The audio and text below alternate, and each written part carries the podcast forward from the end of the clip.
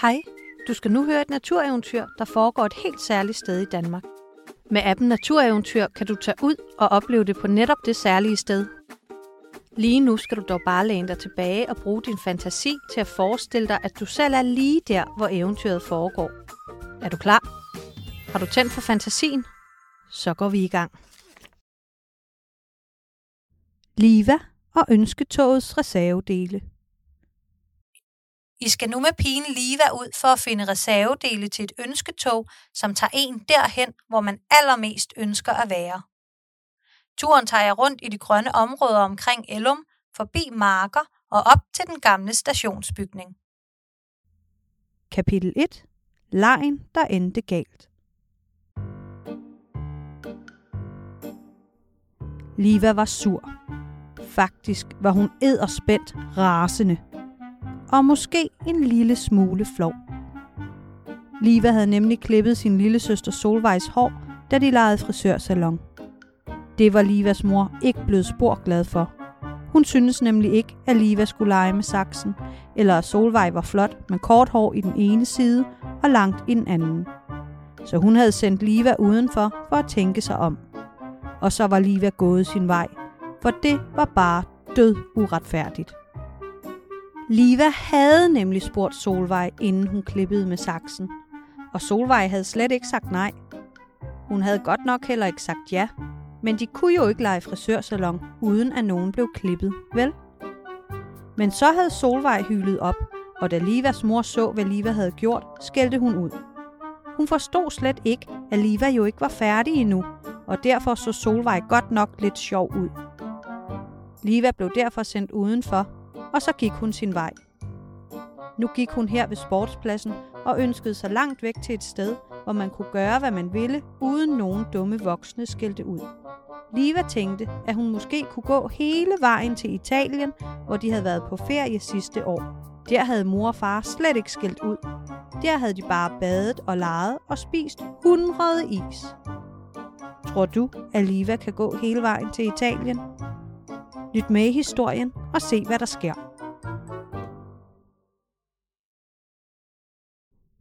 Kapitel 2. Det ødelagte ønsketog.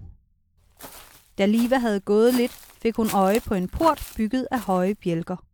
Her stod en stor mand med en flot grøn jakke på. På hovedet havde han en kasket med en tegning af et tog på, som han løftede til hilsen. Goddag, Liva. Du har bestilt en rejse med ønsketoget, sagde manden, som nu fortalte, at han hed Albert.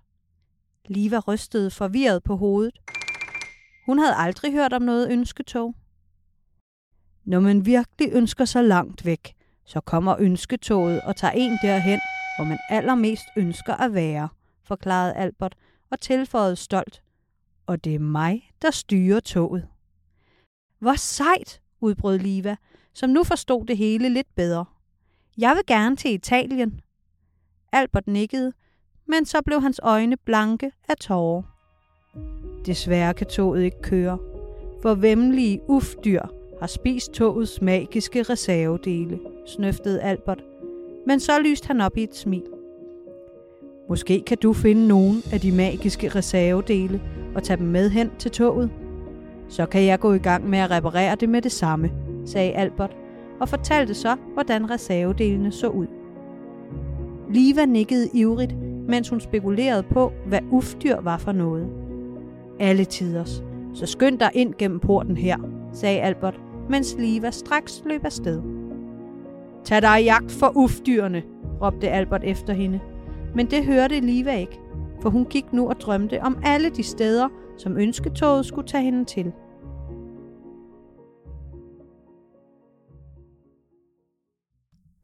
Kapitel 3. Alfen Alf Da Liva havde gået lidt, kom hun til at tænke på, at hun jo ikke vidste, hvor hun kunne finde de magiske reservedele. Au! Se lige, hvor du træder! udbrød en stemme pludselig, og Liva kiggede forbløffet ned på sine fødder. Der stod en lille alf med store, tykke briller og en brun dragt på. Han skyndte sig at samle noget op, som han havde tabt. Hvad er det? spurgte Liva nysgerrigt. Det er en magiskanner 7000. Den kan finde alt, der er magisk, sagde alfen stolt. Liva synes mest, at det lignede en lille pind, men det turde hun ikke sige. Jeg skal bruge den til at finde et ufdyr, så jeg kan besejre det, så de andre alfer i alfebyen kan se, at jeg er både modig og stærk, sagde alfen og pegede på en flok små huse, som lå inde på en mark. Hvad er de der ufdyr for nogen? spurgte Liva.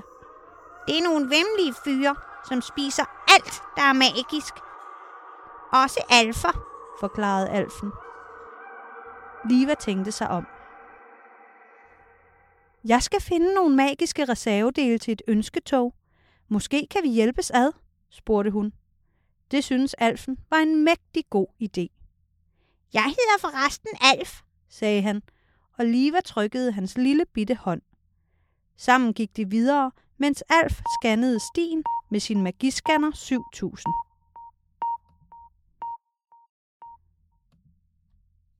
Kapitel 4. Et ufdyr i træet. Bip, bip, bip, sagde Alfs magiscanner, da de stod under et flot, stort træ. Der må være en magisk reservedel lige her, sagde Alf, og Liva gik straks i gang med at lede. Albert havde fortalt, at den første reservedel lignede en pind, som var lidt buet. Her er den, udbrød Liva. Og Alf scannede den med magiscanneren. Den var god nok. Magiscanneren bippede løs. Liva stak reservedelen i lommen. I det samme hørte de noget, som knurrede over dem, og Liva kiggede op. Uff, udbrød hun, da hun så et vemmeligt væsen med slangehoved, vorter på huden og gule øjne. Alf gispede. Det, det, det er et ufdyr, skreg han. Liva bakkede skrækslagen tilbage, da ufdyret begyndte at kravle ned af træets grene.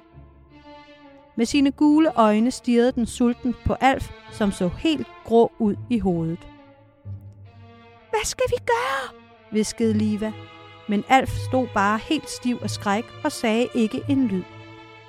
Da ufdyret tog et spring ned mod Alf, greb Liva ham og magiskanneren og løb hurtigere, end hun nogensinde havde løbet før.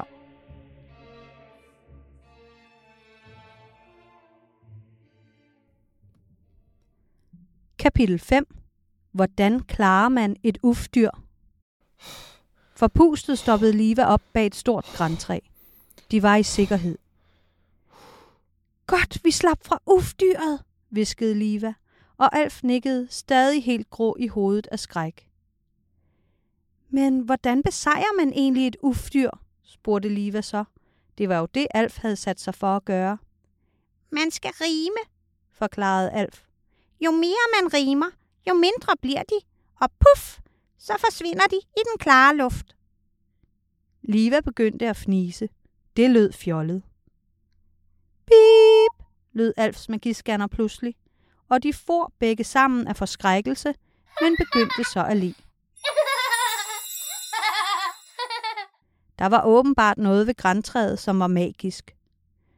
Nu huskede Liva, at Albert havde fortalt, at den anden magiske reservedel lignede en nål. Kan du komme i tanke om noget, der ligner en nål? Hmm. Nemlig grænnåle. Liva stak straks en grænnål i lommen og smilede bredt. Nu havde hun allerede to af de magiske reservedele til toget, så hun kunne rejse langt væk. Men så tænkte hun også lidt på mor og Solvej og far, og mærkede nu et lille ja i maven. Måske kom hun alligevel til at savne dem, bare en lille bitte smule. Kom, sagde Alf. Vi må hellere skynde os afsted og finde den sidste magiske reservedel. Han havde vist mistet modet til at besejre et ufdyr, men det kunne Liva nu godt forstå. Kapitel 6. En hel flok ufdyr. De fulgte nu magiscanneren, som bippede mere og mere. Stop! Se der, viskede Liva og pegede ind mellem træerne. Ved en lille lejrplads kravlede en helt flok ufdyr omkring og gumlede løs på alt muligt. Alfs magiscanner 7000 bippede og bippede.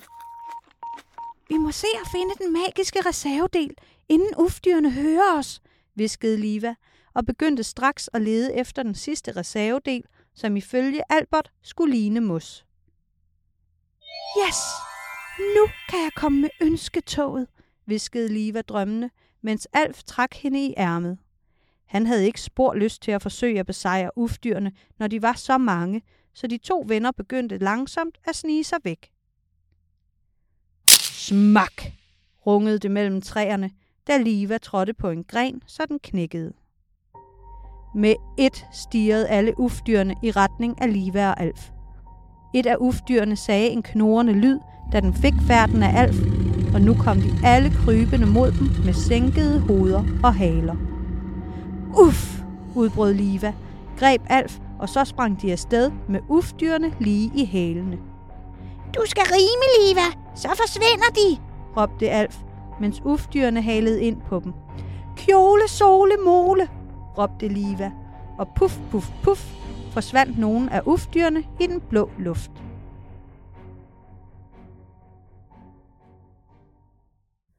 Kapitel 7. Ønsketoget Forpustet kom Liva og Alf frem til den gamle røde stationsbygning, hvor Albert ventede. Her holdt et mørkegrønt tog med en høj sort skorsten. Toget havde tre vogne i mørkt træ og lignede noget fra gamle dage. Vi har fundet alle delene, gispede Liva forpustet og rakte de tre magiske reservedele til Albert, som straks satte reservedelene i toget. Nu kan vi komme afsted, sagde Albert og viste Liva og Alf ind i toget. I det samme lød en høj hylen, og nu kunne de se flokken af ufdyr komme løbende lige mod ønsketoget. Så er det med at komme afsted, sagde Albert med en panderynke og satte toget i gang. Tut, tut, lød togets fløjte, og hjulene vinede. Kan du sige ligesom toget? Et par af ufdyrene nåede nu op på siden af toget og snappede knorrende efter Liva og Alf, som skrækslagen trak sig bort fra vinduet. Alf og Liva, I rimer, mens jeg styrer, råbte Albert. Nat, spat, lat, råbte Liva. Kan du finde på noget, der rimer på nat? Kat, hat, bat, råbte Alf. Nu forsvandt ufdyrene en efter en ud i den blå luft, mens toget nu rigtig satte farten op.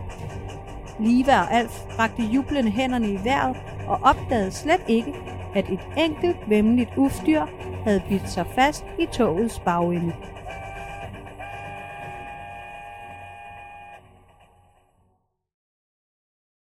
Kapitel 8. Rejsen begynder. Liva, tænk på det sted, du ønsker dig allermest at komme til, sagde Albert, og Liva tænkte. Hun tænkte på skovture og ferier og på steder, hun havde set i fjernsynet. Har du et dejligt minde om et sted, du har været med din familie? Har du tænkt på noget? spurgte Albert, og Liva nikkede. Toget satte farten op, og hun forestillede sig, at hun snart ville sidde på en strand med en is og et stort badedyr. Men nu begyndte toget at hoppe, og Albert kiggede bekymret på alle togets håndtag. Hvad var det, der skete? I det samme kom det ufdyr, som havde bidt sig fast i togets bagende, krybende frem på togets forende. Viva blev bleg af skræk og savnede pludselig sin mor og far, som altid trøstede hende, når hun blev bange. Skynd jer at rime, før den æder alle togets magiske reservedele, råbte Albert, og Alf begyndte straks at rime min, din, latrin, rimede han, og ufdyret blev mindre og mindre. Men nu gjorde toget endnu et hop, og Alf faldt ned mod sædet og stoppede med at rime. Ufdyret spiste straks en bid af toget og voksede igen, mens togets fart tog af. Hurtigt. Kan du komme på noget, som rimer på vin? Fin, min, kanin, skreg Liva, og puff! Endelig forsvandt det grimme ufdyr i den blå luft. Jeg tror, at toget holder til din ønsketur, sagde Albert og tørrede sig lettet over panden. Kapitel 9. Livas rigtige ønskested Med vinende bremser stansede toget bræt, og Liva kiggede sig forvirret omkring. De var bare kørt ned ad stien, så de var stadig i Ellum. Hmm, måske har det dumme ufdyr alligevel noget at ødelægge noget, sagde Albert og kløede sig under kasketten. Min skærm viser, at dit ønskested er lige her. De steg af toget og gik om til forenden af toget, hvor ufdyret ganske rigtigt havde taget en bid af toget. Men ingen af de magiske reservedele manglede. Måske har ufdyret ødelagt noget inde i maskineriet, mumlede Albert, mens Liva i al hemmelighed var en lille smule glad og lettet indeni.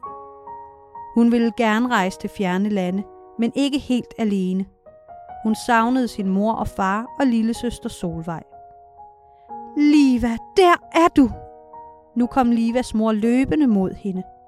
Bag hende kom Livas far og Solvej, og Liva kastede sig i armene på dem. Nu var hun lige der, hvor hun allerhelst ville være. Det ser ud til, at vi endte lige ved dit rigtige ønskested, sagde Albert og blinkede til Liva. Så steg han ind i ønsketoget, løftede kasketten til hilsen og kørte så med en tuden afsted for at bringe andre børn hen til deres ønskesteder. Med Alf siddende på skulderen og mor og far på hver sin side, gik Liva nu hjem.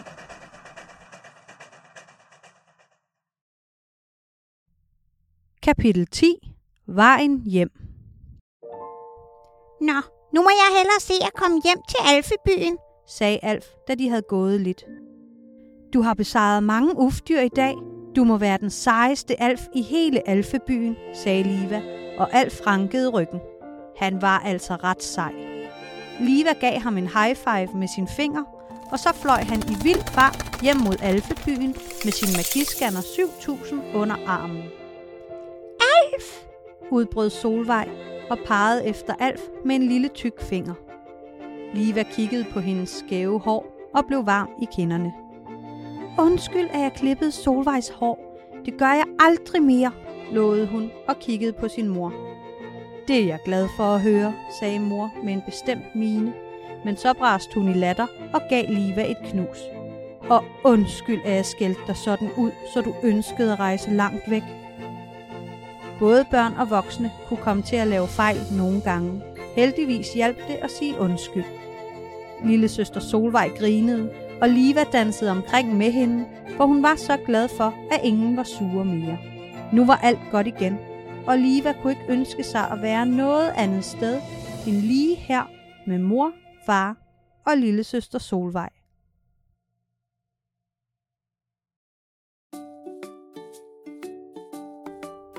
Har du lyst til at se den gamle stationsbygning, hvor Liva mødte ønsketoget, eller Alfebyen, hvor Alfen Alf boede? Så få din mor eller far, din mormor eller din farfar, eller måske din yndlingsonkel eller lærer, til at tage dig med en tur til de grønne områder ved Ellum, som ligger i Tønder Kommune. Så kan du også se, om du kan finde ønsketogets reservedele, og om du kan slippe godt forbi ufdyrene. Download den gratis app Natureventyr, og lad den guide jer rundt på eventyr langs smukke ruter i den danske natur.